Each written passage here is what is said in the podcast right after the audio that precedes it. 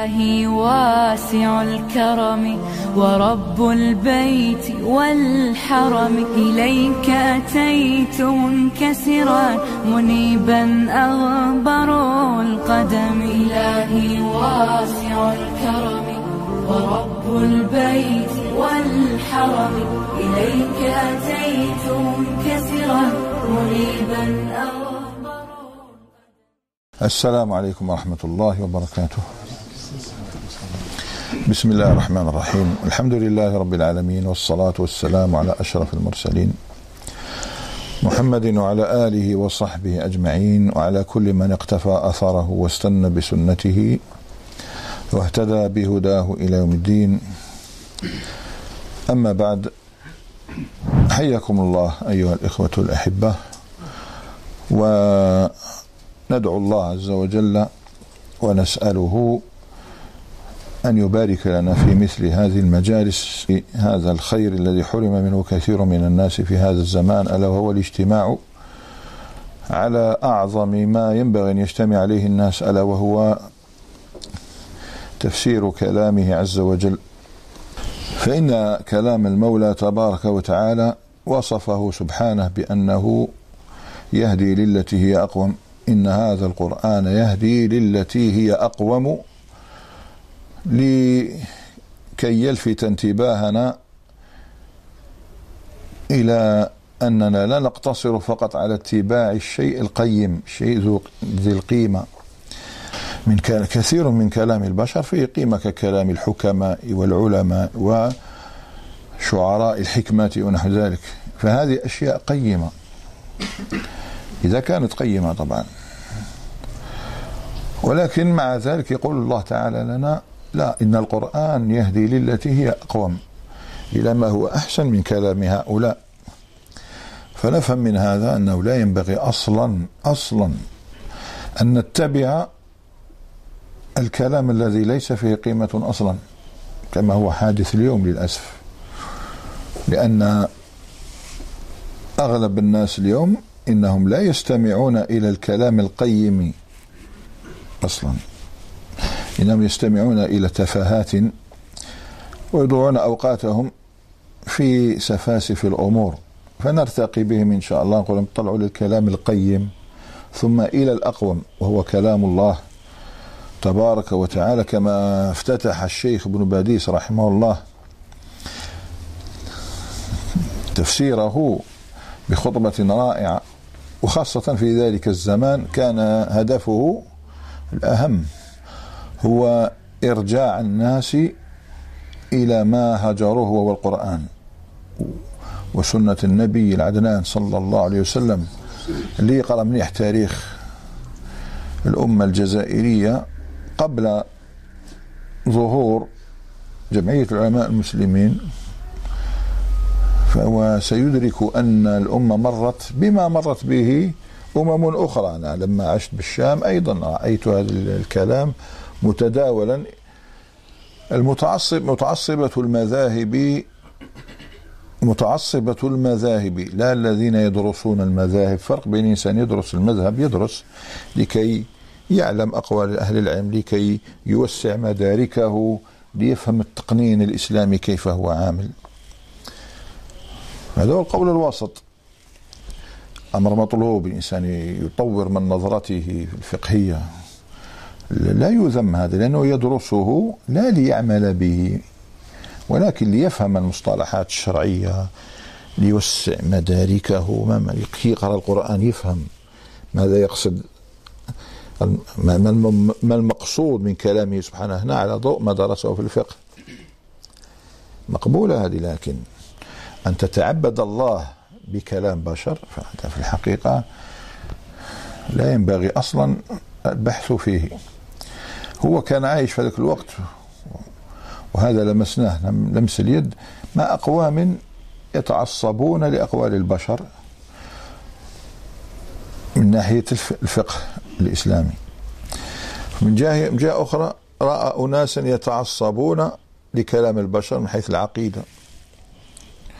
فصاروا يتعبدون الله بماذا؟ بكلام أهل الكلام. علم الكلام المعروف وعلم الكلام ما يجيش حتى واحد يخدعك يقول لك باللي قال التفتزاني رحمه الله في شرح العقائد النسفية مثلا. يقول لك آه، علم الكلام سمي علم الكلام لأنه به يقتدر على الكلام. به اللي تولي تقدر تهدر. أو لأنهم كانوا يبوبون لمسائل العقيدة بقولهم باب الكلام في رؤية الله باب الكلام في قدرة الله باب فهمت؟ قالك على ذلك اسمه علم الكلام. هذا كله خطأ وتلبيس ولا ينبغي أن نقع في هذا. لماذا؟ لأن إحنا نسأله من الذي سمى علم الكلام بعلم الكلام؟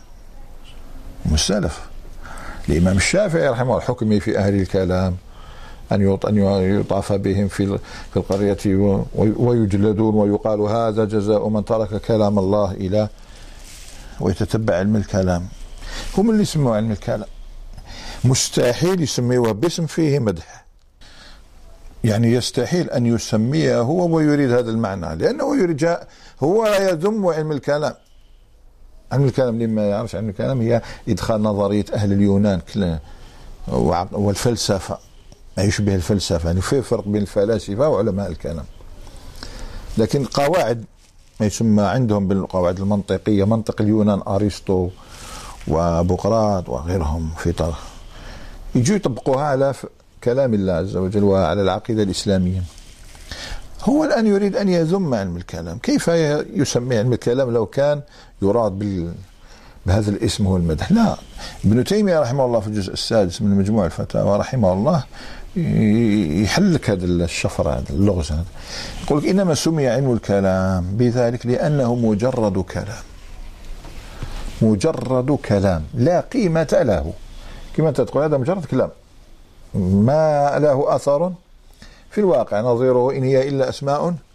سميتموها أنتم وآباؤكم. يعني أين أين هذه الأوصاف التي تغدقونها وتلبسونها آلهتكم؟ فنعود فنقول تخيل تعيش في بيئة مثل هذه.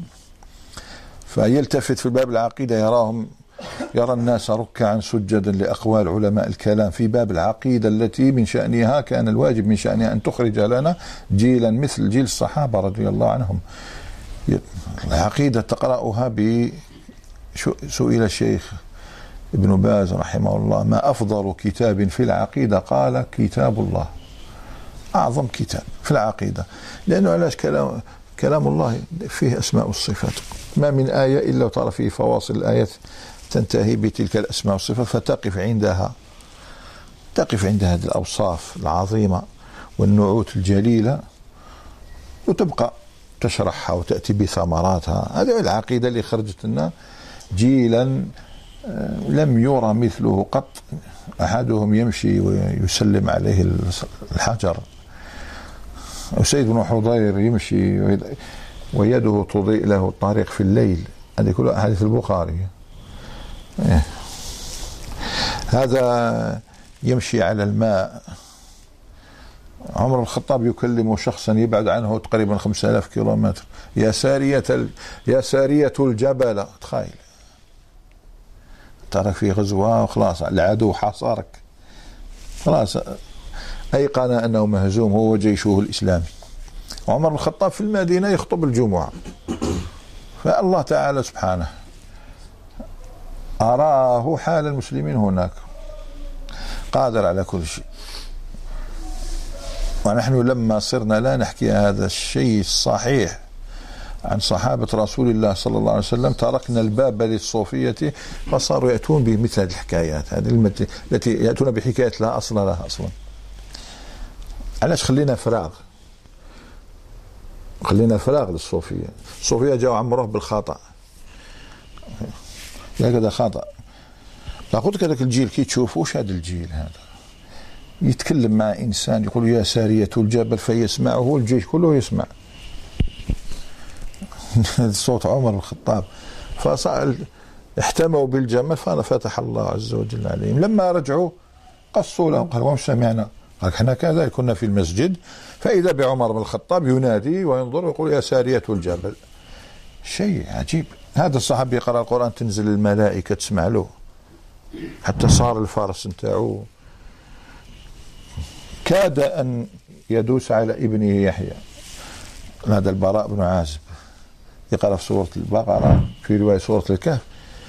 هكذا ظلة نازلة من السماء ظلة. وعليها مثل القناديل هي الملائكة. قالوا تلك الملائكة. لو قرأت لأصبح الناس ينظرون إليها. هذا الجيل عباك ما جاش هكذاك من فراغ. لم يأتي من فراغ إنما أتى عندما عرفوا وش معناها؟ الله عز وجل. الرحمن الرحيم الملك القدوس السلام المؤمن المهيمن العزيز. تقرأ العزيز ديك القوة تاع الاسم هذا تعيش به. تولي تعرفش واحد يذل ابدا؟ تصيبش واحد يذلول في الأمة الإسلامية؟ الحكيم تبين أمثلة من شرعه كيف تظهر حكمته. الناس تولي تعظم الشرع. هذه المقدمة لم يكن آه، من المقرر الإدلاء بها ولكن عندما تذكرت ابن باديس رحمه الله منهجيته في الإصلاح الإنسان مدى به يسير على تلك المسيرة لأن المخرج الوحيد الآن ما نقولوش لإزالة الباطل. الباطل لن يزال أبدا. كان يزول الباطل تقوم الساعة. من علامات الساعة ما تعرفون كثرة الباطل وانتشار الشر وغير ذلك. نحن نقلل ونبني سفينة نوح عليه السلام وندعو الناس لركوبها ونقلل من الهالكين. ولا نزيل الباطل الباطل لن يزول خاصة في هذا الزمان. إنما نقلل. هو لما التفت رأى هؤلاء تنكبوا عن العقيدة الصحيحة. متعصبين لآراء رجال هكذا. قال فلان انتهى. وهذا في الفقه التفت إلى تزكية النفوس إلى الأمور التي تزكي النفوس التربيه فرأى الصوفية غارقين في أوحال الخرافات.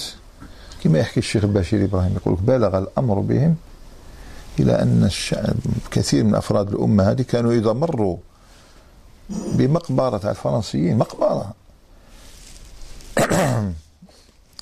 مقبرة ماشي؟ مرقاد بإنسان مسلح. مقبرة.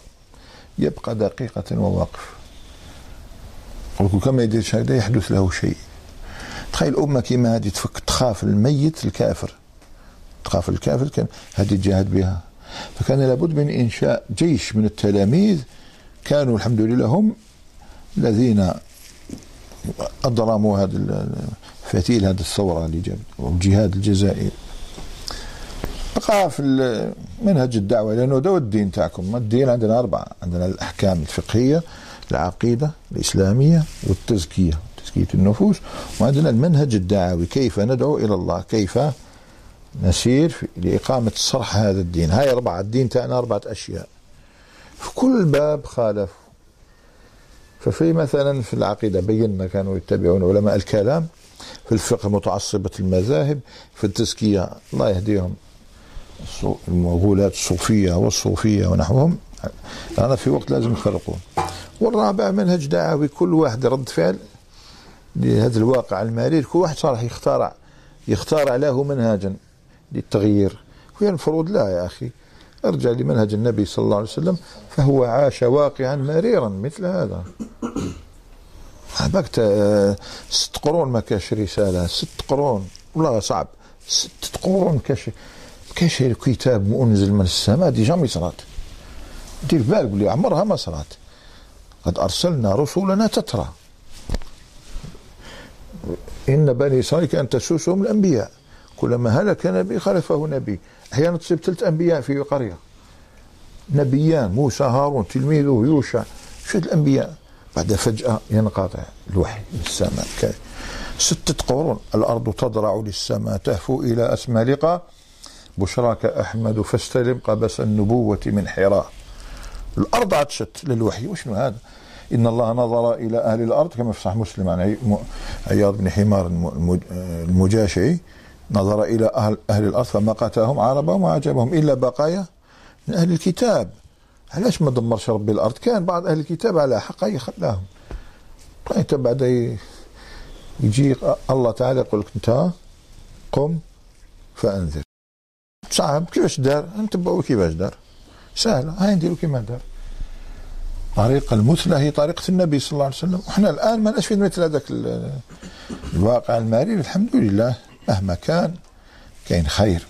عشان يحافظ عليه ويجي يبثه في الناس. لكن ليه قرأ تفسير ابن مباديس رجعنا له. تصيبه دائما لما يفسر لك الآية يقول لك بصيرة هداية. هي العناوين هداية هذه كثر منها وبصيرة. عبك معناه لأنه عاش مع ناس كانوا يقولون وصلنا لها المشكلة هو جل ذوك الناس اللي هضرنا عليهم قبل حتى ذوك شنو يقولوا؟ كانوا يقولوا إنما نقرأ القرآن للبركة ونقرأ السنة للبركة بهذا اللفظ بهذا اللفظ.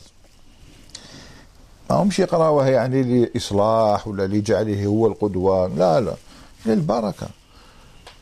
هذا زين نكمل القرآن نعمل بقول فلان. أن يقرأ للبركة. فهو أراد أن يبين لهم لا هذا بصائر. هذا القرآن يخرج الناس من الظلمات إلى النور.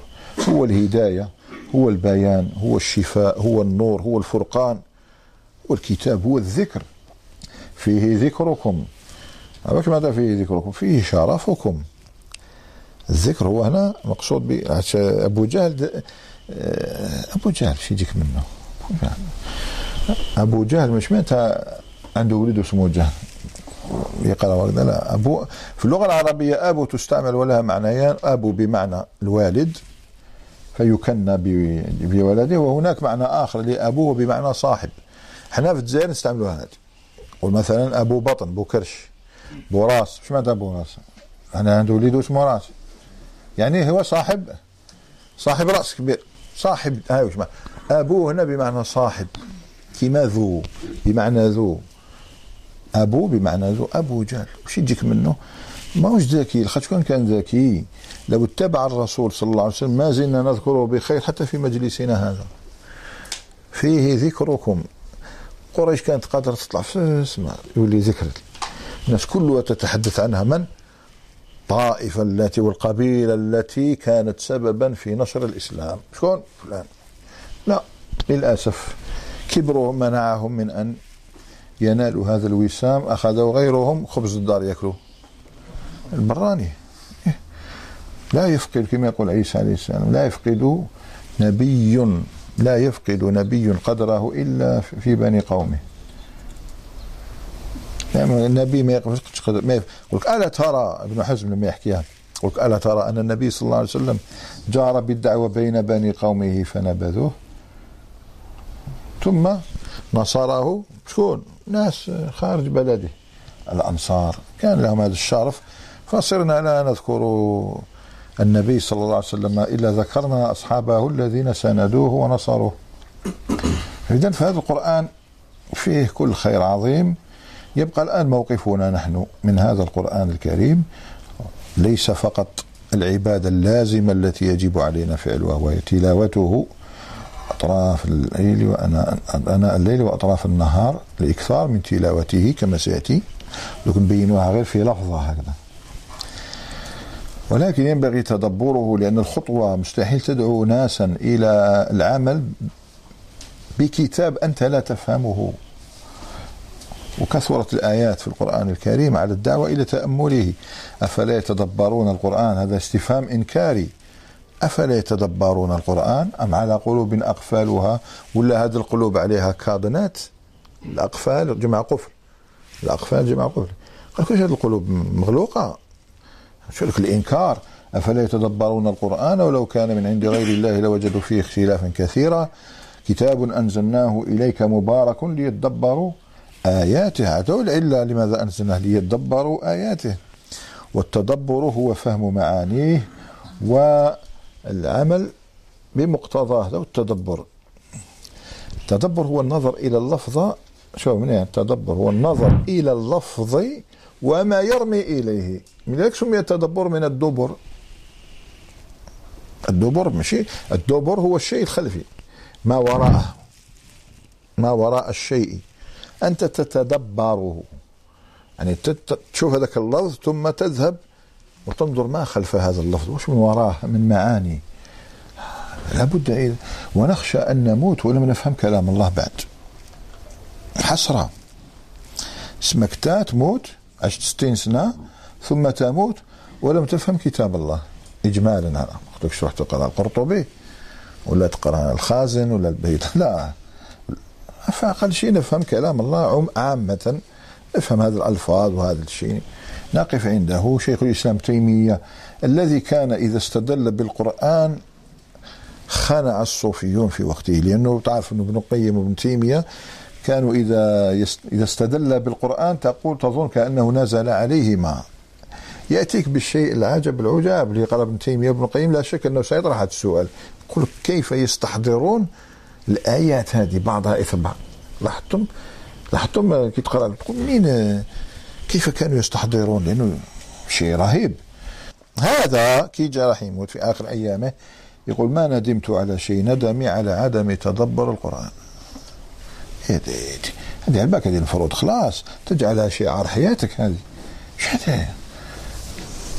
ما تدبرت القرآن؟ ما نحن وش نقول على أنفسنا؟ فلذلك الإنسان يبذل جهده كاملا لفهم هذه الرسالة. هو نفسه شيخ الإسلام تيمية رحمه الله يقول أرأيت لو أن إنسانا اغترب ولده عنه.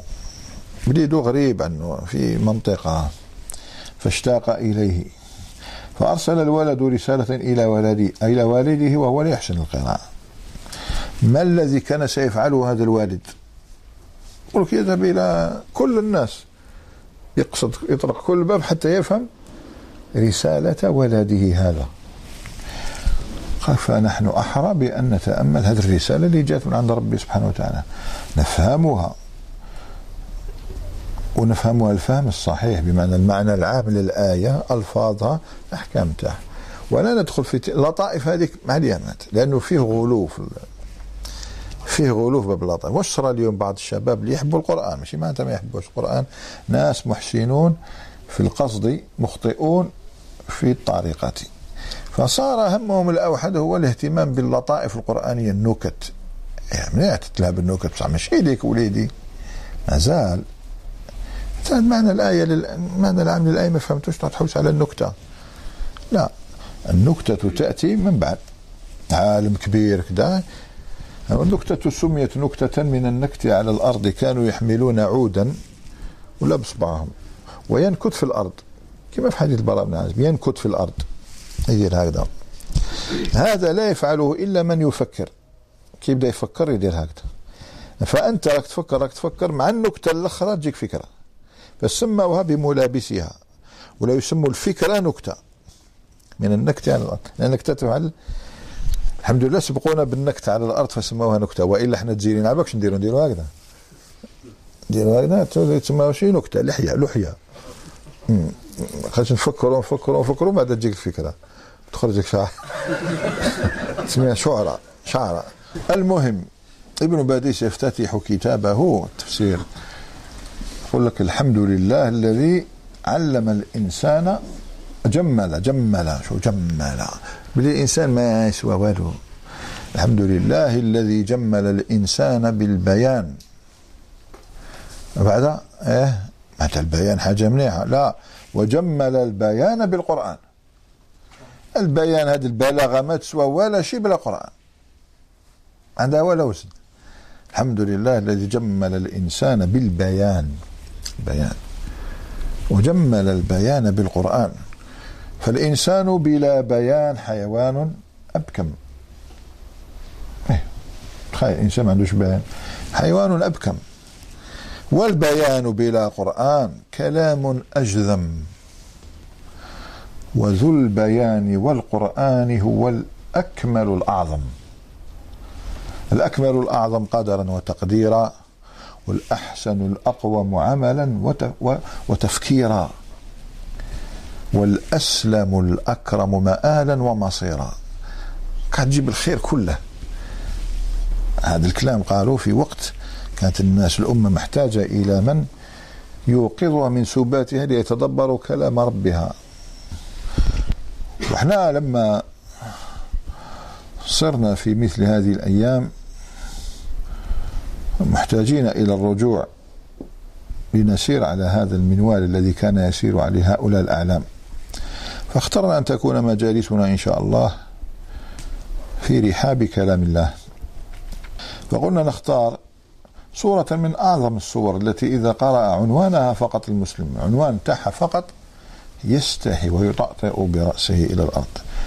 لأن بمجرد ما تسمع كلمة عنوانها واسمها تعلم إلى ما ترمي إليه. ترمي إلى إصلاح الأخلاق إلى إصلاح السلوك إلى الابتعاد عن مساوئ الأخلاق التي شاعت بيننا ولا يسلم منها أحد ولا نبرئ أنفسنا الحمقى ألا وهي صورة الحجرات التي سماها العلماء صورة الأخلاق. هي لم سماها علماء المعاصرين صورة الأخلاق لما تضمنته من الأخلاق تجاه الله أولا. أخلاق تجاه النفس أخلاق تجاه الخلق. وفيها أيضا عدة موضوعات نقف عندها إن شاء الله تبارك وتعالى. كل سورة تحب تدرسها؟ كما العلوم؟ تحب تدرس النحو؟ وش تبدأ تدير؟ المبادئ العشرة صح؟ إن مبادئ كل فن عشرة الحد والموضوع ثم الثمرة. تقرأ. قبل ما تدخل في الفن لازم تعرف عنه نظرة تاخذ عنه نظرة. كذلك الصورة. قبل ما تبدأ تقرأها خذ عنها, عنها نظرة وذلك سيجعلك تعشق علوم القرآن. علوم القرآن لا أعلم علما زاهد الناس فيه مثل علوم القرآن. علوم القرآن التي أوصلها العلماء إلى ثمانية وتسعين علما وبعضهم زاد على ذلك. بحر لا ساحل له. تقرأه الإتقان في علوم القرآن السيوطي والبرهان للزركشي ومناهل العرفان للزرقاني. من قرأوا كتاب معاصر رائع جدا مباحث في علوم القرآن لمناع القطان من أروع الكتب علاش؟ لأنه متسم بالجمع والتحقيق والتهذيب. يعني نحالك المباحث التي لا نحتاجها. كاين مباحث الإنسان لا بد أن يحذفها من الإتقان ولا من لكن كتاب رائع هذاك الكتاب. هذه المقدمات كي تقرأ المقدمة عن السورة ستجول تضرب جولة حول علوم القرآن التي يجب الرجوع إليها. فتتكلم عن السورة مو بس عن سبب نزولها ولا عن مناسبتها لما قبلها بل تتحدث عن اسمها. ومعنى اسمها لماذا سميت بهذا الاسم؟ هل هي مكية أو مدنية؟ هذه كلها مباحث في علوم القرآن. فأنت إذا أردت أن تتحدث عن سورة الحجرات أول شيء يرد على ذهنك يمكنك أو يجب عليك معرفته شو هو؟ معنى كلمة سورة. فالسورة من القرآن باش تلاحظوا ربي سبحانه وتعالى خالف خلى القرآن الكريم يخالف كل ما عهدته العرب.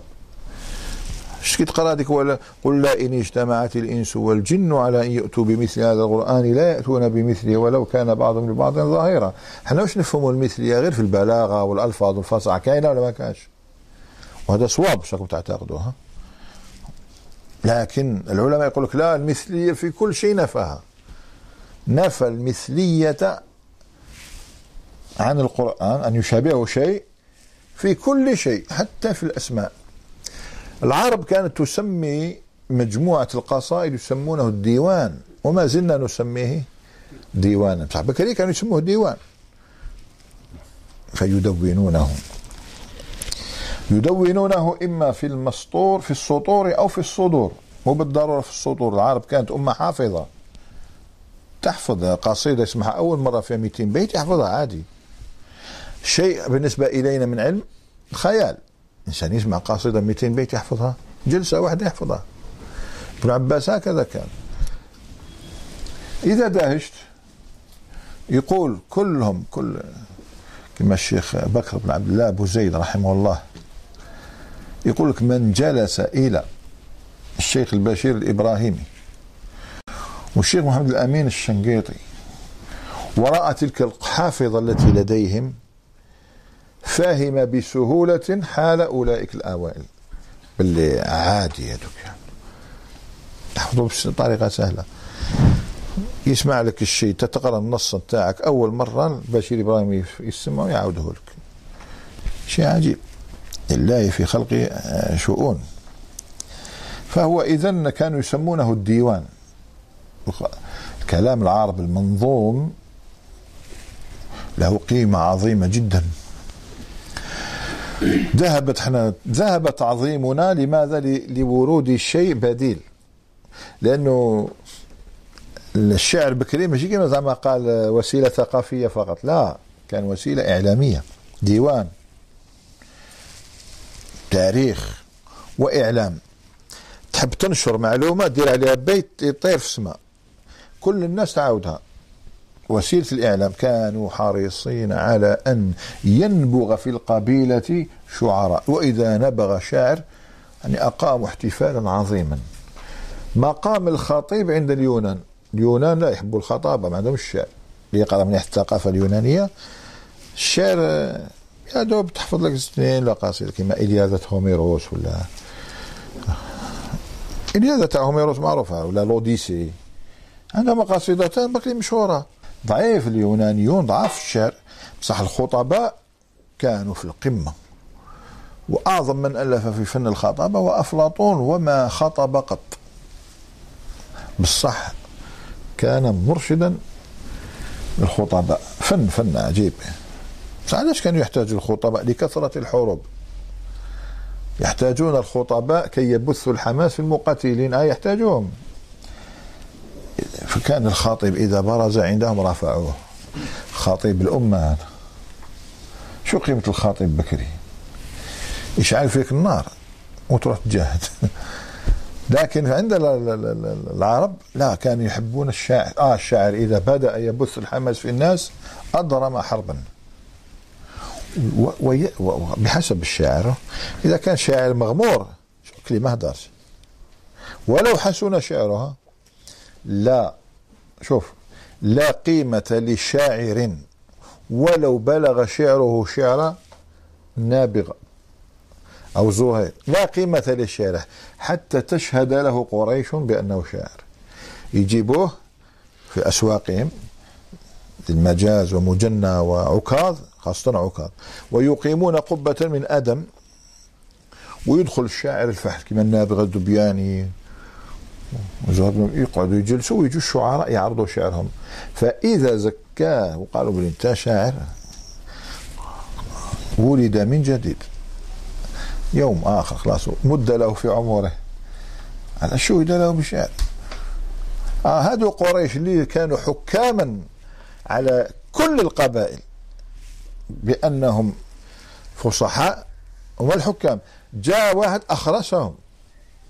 إيش قيمة القرآن قوة القرآن. جاء القرآن ما قدروش وشنو هذا؟ في كل شيء ما استطاع. هو إذا لم يأتي للعربي فقط. باش تعرف علاش نزل بلغة قريش خاصة. لأنهم هم كانوا المعتمدين. كانوا هم المعتمدين في تقييم لسان العرب. إذا فنبدأ إذا نضرب القوة نضرب الأقوى. فإذا ضربت الأقوى ضربت الأضعف. لكن لو جاء بلغة بني أسد ولا لغة بني تميم ولا يمكن يقول لك يا أخي لغة قريش أعظم. لا لغة قريش ما ما قدروا لهاش فإذا فإذا جاء يخالفهم في كل شيء حتى في الأسماء. لأنه كانت تتحدث على الشعر كيف كان وسيلة إعلام. مرة غضب زهير بن أبي سلمى هذا سيأتي معنا في تفسير قوله تعالى لا يسخر قوم من قوم عسى أن يكونوا خيرا منهم. سيأتي. إن شاء الله. زعف على واحد. قبيلة آل حصن هذا فغضب قلقوا ما تعرف ترى هذه. هو داء متفشي من قديم الزمان. لو كان زعما أنت تختصم مع إنسان من بويرة. تقول آه، واحد آه، ألف يهودي واحد بويري. وتمشي ويتداولها الناس ويولدوا قاعدة و... وين وين؟ آية. حديث. شو قالها؟ قال واحد تقلق ولا كان سكران ما ديرهاش شيعة كيما هكذا يخرجوك. هذا يطعن لك في بليدة ولا يطعن لك في مدين كلها جاهلية نعارات جاهلية. طلع الشاهد أنه هذا زعف هذاك النهار قال وما وما أدري وسوف إخال وأدري أقوم آل حسن أم نساء. أقوم أي أرجال آل حسن أم نساء. هذاك هذا كما يقول لك دمر قبيلته كلها لأنه أغضب زهير وزهير قال فيه. فلحقته اللعنات. الناس كلها تلعنه. يا على جالك خرج شو على جالك نشروا علينا في الأخبار. الناس قاع سمعت. هكذا باش تشوف الشعر كيفاش كان. بمثابة الأخبار قناة معروفة الناس قاعد تسمع. ثم أكرم زهيرا ربنا سبحانه بأن لقي ناس طيبين من أهل الحسن وأكرموه. فلما سألهم قالوا نحن من أهل الحسن قال آه والله لو عرفتكم من قبل ما قلت ما قلت. لكن سبق السيف العادل خلاص مشى البيت. تقدرش ترجعوا. ولا الراعي النميري. باك شحال صعيبة واحد شغل آه، ماشي قوي جدا ويحب يزاحم الكبار. صعيب جبد يفضح روحه إيه يفضح روحه. إحنا نعرفوا باللي شعراء النقائد ثلاثة. شعراء النقائد اللي هي الهجاء جرير بن عطية الخطفة وهو أحسنهم. يقولوا الخطا في هذا خطأ. وعندك الأخطل النصراني وعندك الفارزدق همام بن غالب التميمي. هذو ثلاثة قويين جدا. وبجا واحد شغل يزاحمهم. شغل بدا يزاحمهم اسمه الراعي النميري من قبيلة بني نمير. هذا في الحقيقة غلط غلطت حياته وفضل الفرزدق على جرير وجرير أتاه ببيت بقي يكرر إلى الآن شو ما زلنا نهضر فيه. في قصيدة مشهورة بائية قل اللوم عاذلة والعتابة وقولي إن أصبت لقد أصاب. حتى قال له فلا فضد الطرف إنك من نمير فلا كعبا بلغت ولا كلابا. الراعي غير سمعه. فذهب يركض على فرسه إلى قبيلته كي يدخلها قبل أن يصلهم البيت. قد كان يوصل البيت القبيلة قبله ما يدخلش. ها يولي منبوذ وفعلا يعني كي الحق صاب دريش غار يلعبوا يقولوا فغض الطرف إنك من نمير فلا كعبا بلغت ولا كلابا. صعب. الشعر شحال قوي جدا بشي الانسان اللي ما يقراش الأدب العربي ولا يقف أمام هذه الحوادث. القران يشوفه عادي. كي يقرأ يقرأ مليح الأدب العربي يقراه القوة تاع الناس هذو اللي كانوا يتكلموا بالعربية هذه. بعد يجي مثل هذا الكلام يخرسهم يقول هذا ليس بكلام بشر هذا كلام جن كلام منين جابوها يعرف قيمة ما بين يديه. لذلك العلم هو المفتاح الوحيد لتعظيم الرب سبحانه. كاش لن تعظم الله بمثل العلم. أن تعلم تتعلم. الجاهل عدو نفسه بل كذبوا بما لم يحيطوا بعلمه من هنا جيء بالمثل من جاهل شيئا. عادا وهذا يسمى في باب علوم القرآن بالأمثال الكامنة. مش الأمثال السائرة؟ الأمثال نوعان أمثال سائرة. طبعا الأمثال السائرة تقول مثل يداك أو كتافك نفخ تعرفوهم هذه الأمثال؟ جزاء؟ ما نقولش كما قالوا جزاء séminaire. جزاء سنمار جزاء سنمار. قلت لكم شنو هذه؟ فتأتيه بمضرب المثل آه، مورد المثل ثم مضرب المثل. المثل السائر يحتاج شيئين مورد ومضرب. تقول هاي الأشترة كان يا مكان كذا وكذا. فقال كذا فيضرب هذا المثل في من شابهه في من شابه ويترك على أصله بالك تصرف فيه السائرة الأمثال السائرة علاش تسير تسير لا يسير بها الركبان بس حافظ عليه كما جاء. مثلا يدك أو كتفك نفخ. كانوا مارين بواد وعندهم هذاك نحن نسموها القربة. القربة من جلد. الشن من جلد. هاي ينفخوا جلدهم وربطوها أو كو آه الوكاء تاعها الرباط. الرباط ديالها ربطوها منيح ونفخوها. الشكوى هذه جلد. جلد ينفخ ربطوها وألقوا بأنفسهم في النهر لكي يقطعوا هذا النهر. واحد تفتحت له الرباط الوكاء تفتح. والعرب لا تحسن السباحة غالبا. لا يغرق السيد ويصرخ هل من مغيث؟ هل من مغيث؟ قالوا يداك أو كتا. وفوك نفخ يعني تدرتها ربطها بيديك حلا بسنانك يعني. أنت اللي ربط أنت اللي نفخت. أنت اللي ربط. إيه ذاك أو كذا. هذا هو مورد المثل. ولكن مضرب المثل تضربه وين؟ في حالة تشابهه. إيه ماشي تروح واحد ما حبش يشرب ما تقول هذاك أو كذا. آه راح تلعب على راح ما عندها حتى معنى تعطيها الإنسان تقول له تحمل مسؤوليتك. يداك أو كذا وفوك. بصح لو كان تهضرها مع مع اثنين مع ثلاثة مع عشرين. تقول يداك أو كذا وفوك نفخ. ما تقولهمش أيديكم. لا خطأ. الأمثال تبقى على ما هي عليه لا تصرفش فيها. هم كما حبذا حبذا الرجل. وزوج حبذا الرجلان. ثلاثة حبذا الرجال ذات تبقى هكذا. حتى ابن مالك رحمه الله ينص على هذا في ألفيته. ومثل نعمة. حب والفاعل ذا. وإن تريد ذما فقل لا حبذا كي تحب هكذا قل لا حبذا بعدين يقول لك وأولي ذا المخصوص أيا كان لا. تعدل بذا فهو يضاهي المثل.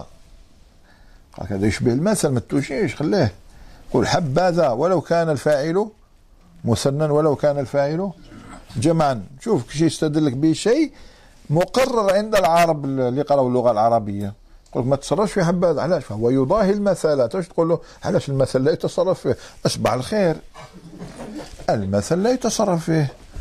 تهضر مع طبعا تعس البيئة اللي راك فيها عسها قالت مثلا تحكي له حكاية الصيف ضيعت اللبن. امرأة كانت متزوجة من شيخ مسن. كانوا يكرموها الخير عظيم جدا. ثم حنت إلى أن تتزوج بشاب. ما شيخ ده. فطلبت منه الفراق في الصيف وتزوجت بالشاب مرمدها كما هو. شاب لا مال له ولا شيء. فذا رجعت إليه بعد ذلك. آه قال الصيف ضيعت اللبن.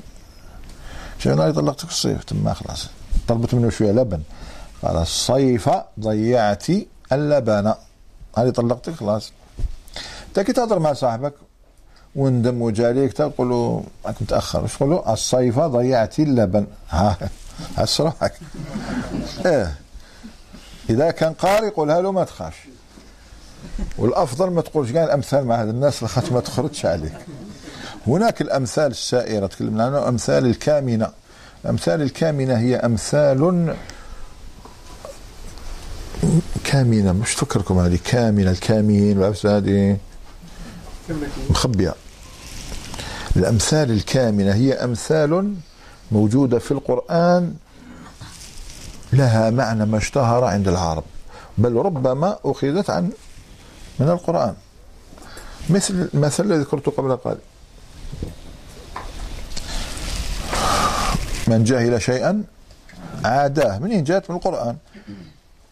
بل كذبوا بما لم يحيطوا بعلمه. من حفر حفرة لأخيه وقع فيها. كي تقولها تحس روحك صغير لا لا تقول وليت بكري ما لا غلفها بالقرآن. ولا يحيق المكر السيء إلا بأهله هذا هو معنى من حفر حفرة لأخيه لا يلدغ المؤمن من جحر مرتين. هل آمنكم عليه إلا كما أمنتكم على أخيه من قبل؟ تشوف أمثال كامنة موجودة في القرآن. تستخلصها تجيبها. وهي كثيرة توصل 19 مثل أو 18 مثل معلش مش ما نطولوش. تكلمنا على جاء القرآن ليخالف كلام العرب من جميع الجهات. يخالفه. فسمى الكتاب المنزل مشي ديوان وإنما سماه القرآن. القرآن من مادة قرأ يقرأ قراءة هذا هو المصدر. قرأ يقرأ قراءة قراءة. تعرفوا مذاهب العلماء في أصل اشتقاق كلمة القرآن خمسة مذاهب وأحسنه كلام اللحياني رحمه الله. إنما وقال من قرأ بمعنى قرأ يقرأ قراءة. بدليل فلا تحرك به لسانك لتعجل به. إن علينا جمعه وقرآنه جمعه وقرآنه. فإذا قرأناه فاتبع قرآنه. لو كان القرآن بمعنى الجمع كما قال آه، بعضهم الجمع قالوا بمعنى الجمع. قرأ الماء في الحوض أي اجتمع. قال فلماذا يقول؟ إن علينا جمعه وقرآنه. تكرار لا معنى له. جمعه وجمعه. قال القرآن والتلاوة التلاوة. فسماه القرآن لكن لماذا ما سماش القراءة؟ قرأ يقرأ قراءة وإنما آثر أن يأتي بصيغة المبالغة زيادة الألف والنون. ففرق بين تقول غفر يغفر مغفرة مغفرة شيء عادي غفران مبالغة توكل يتوكل توكلا ولكن المبالغة توكلان سبح يسبح تسبيحا والمبالغة سبحان.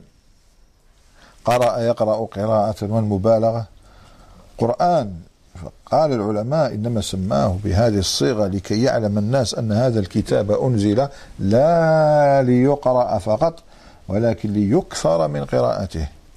بلفظه يدل على المقصود. هذا ما نزلش الكتاب باش تقرأه.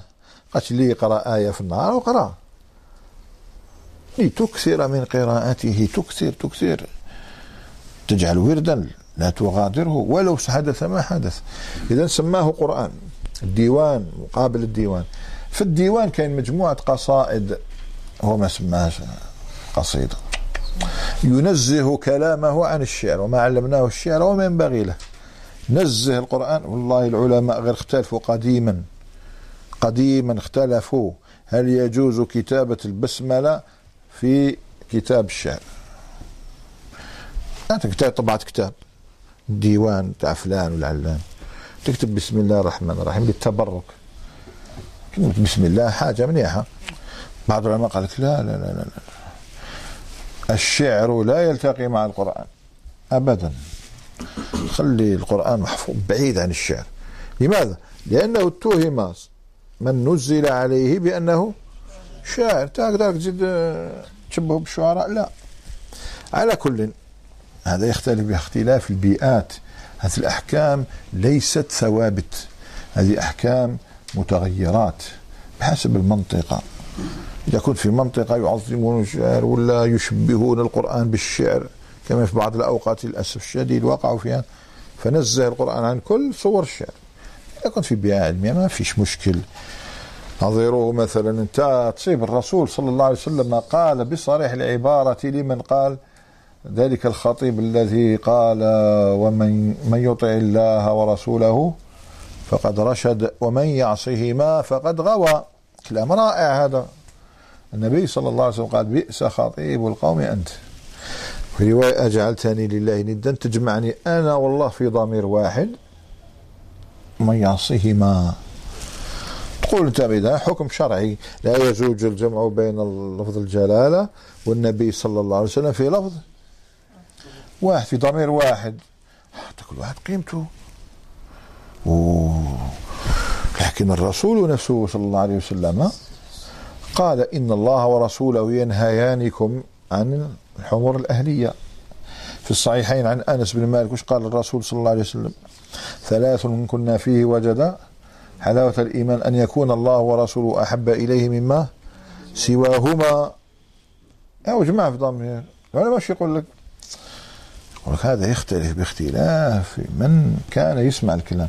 إذا كنت مع ناس ما شاء الله التوحيد متغلغل في قلوبهم أجمع بين المولى عز وجل والرسول في ضمير واحد لا إشكال. لأنه علاش خلاص هذو من أهل التوحيد؟ لكن تكون في بيئة. ربما يسوون بالله رسوله صلى الله عليه وسلم. وهذا لا يزال إلى بعض المناطق كاين هذا.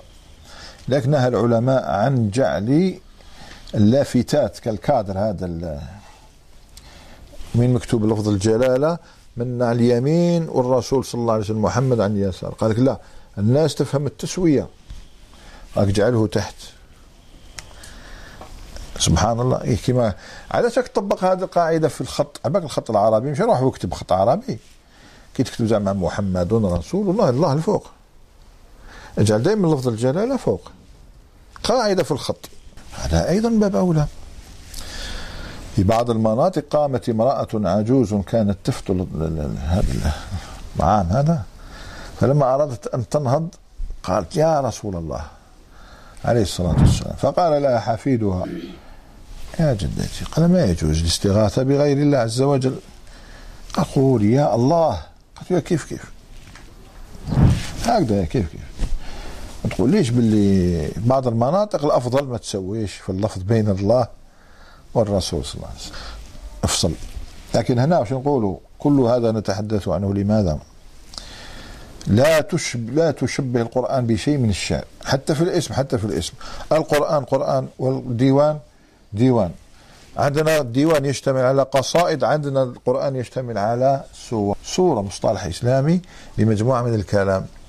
وسمى أجزاء تاع القصيدة واسمها أبيات. سورة آيات. فرق من جميع الجهات. لا نسوي. أما السورة سورة الحجرات سورة البقرة سورة العمران هذه السورة لما فسرنا أظن سورة البقرة تناولنا تفسير السورة بالذكر. فمعليش في التكرار في التكرار وليس التكرار. قبل سمعت قلت تكرار. خطأ. ليس لنا من المصادر استفعال إلا تلقاء وتبيان. برك. ولولا ورودهما في القرآن ما قلنا بهما لأنه الأصل هو تفعال. الأصل تفعال. تفعال ما في. إلا كلمتين. تلقاء وتبيان. وردتا في القرآن الكريم فلنقتصر على السماء. كل كتب الصرف تذكر هذا. ولم يشذ عنها أحد. طبعا واحد قام سألني يا شيخ قال لي وتمساح ها ودي وكان يعضك تردد. تمساح شو تمساح في الوسط. هذه مصادر والتمساح اسم جنس تمثال ما تجيبليش أنا تمثال تمثال اسم جنس. نحكيو على المصادر. يقول تكرار تعداد تجوال. وهكذا. فنقول السورة في لغة العرب لها أربعة معان المعنى الأول وهو الذي عليه أكثر العلماء. الذي عليه أكثر العلماء أن المقصود بالسورة هي المنزلة الرفيعة. المنزلة العظيمة الرفيعة. واستدلوا بكلام النابغة الذبياني في بائيته المشهورة التي مبدأها مطلعها أتاني أبيت اللعن أنك لمتني. وتلك التي أهتم وأنصب حتى قال فإنك شمس آه، ألم ترى أن الله ألم ترى أن الله أعطاك سورة؟ ترى كل ملك دونها يتذبذب. فإنك شمس والملوك كواكب إذا طلعت لم يبدو منهن كوكب. أين الشاهد؟ فإن ألم ترى أن الله أعطاك سورة؟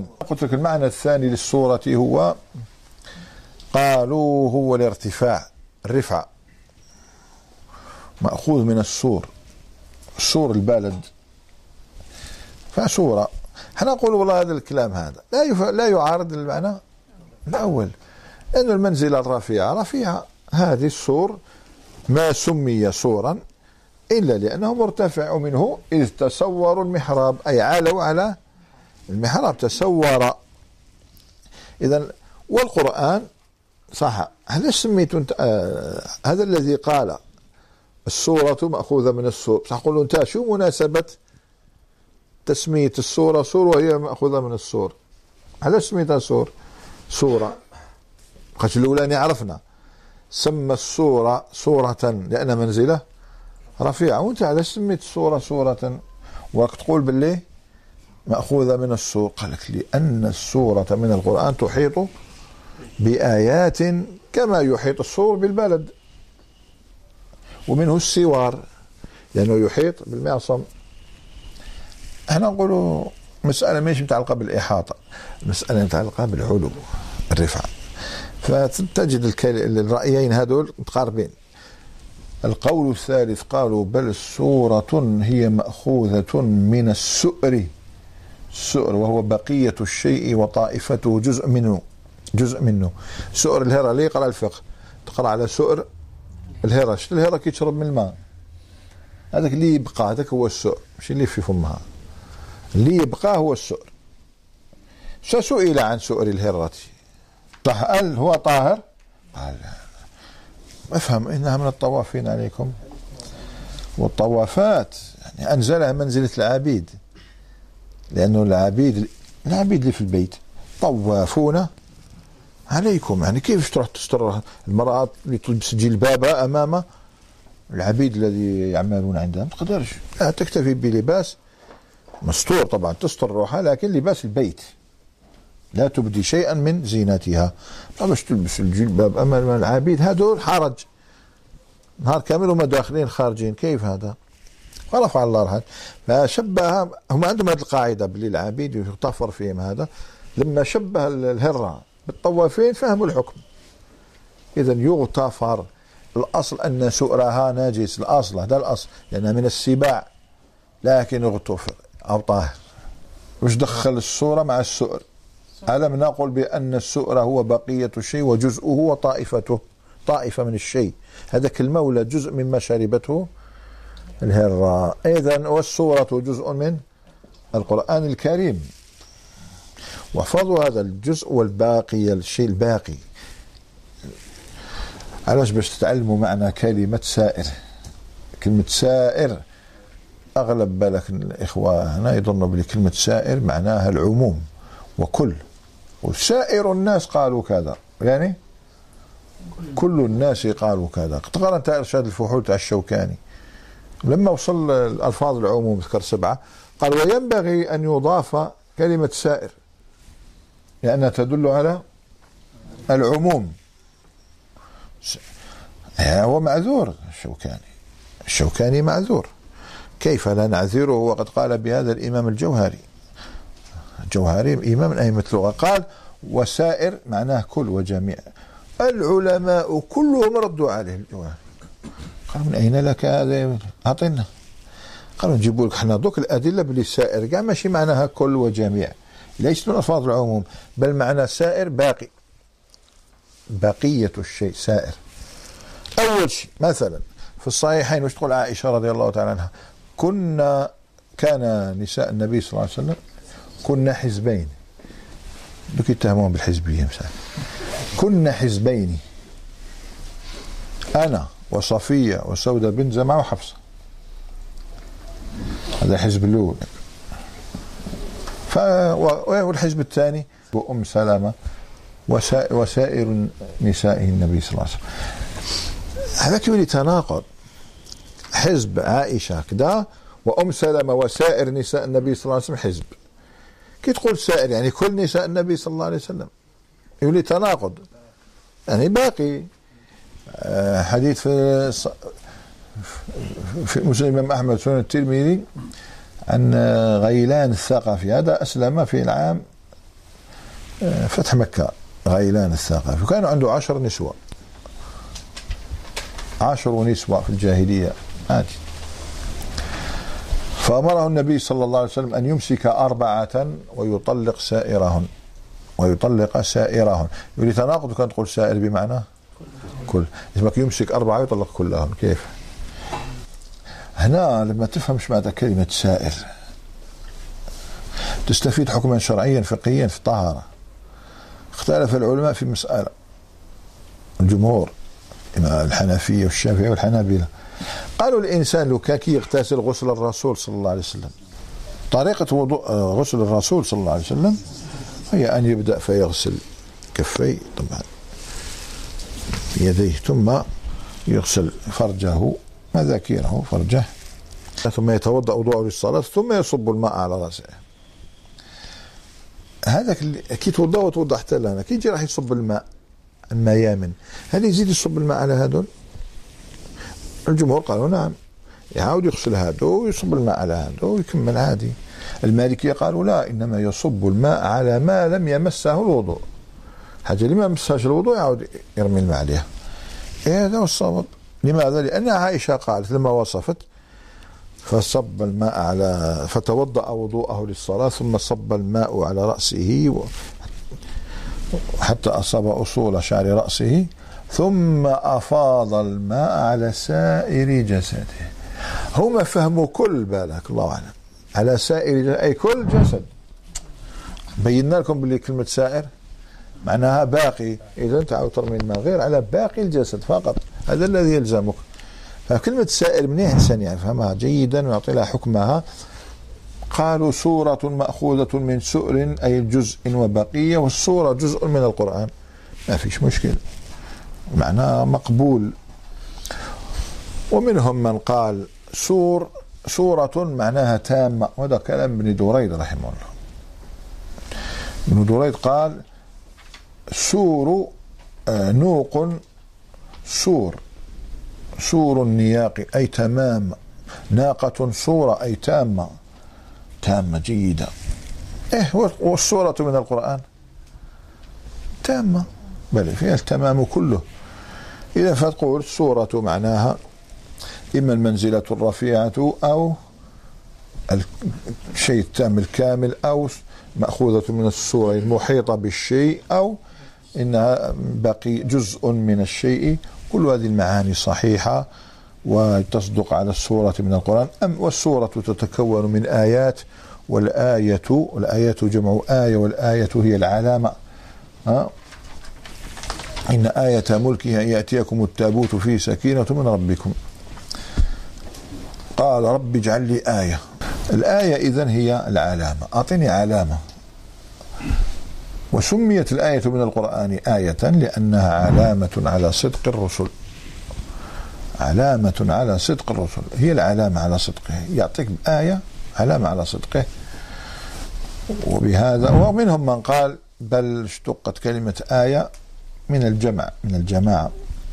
ويأتون ببيت لذلك. خرجنا من النقبين لا حي مثلنا. بآيتنا أي بجماعتنا نزجي القالوص المطافلا على كل الآية هي العلامة هذا الأقرب. هذا الذي استعمل كثيرا هو الذي لا يكاد يعرف غيره. لكن إحنا نذكر القولين معا من باب الأمانة العلمية ثانيا من باب الإنسان يزيد يثقف نفسه في الألفاظ. على كل هذه مجرد مقدمة آه، كما يقولوا تشحذ الذهن وترغبنا في حضور مجالس الذكر نكتفي بهذا. وسبحانك اللهم وبحمدك أشهد أن لا إله إلا أنت أستغفرك وأتوب إليك وبارك الله فيكم. السلام عليكم.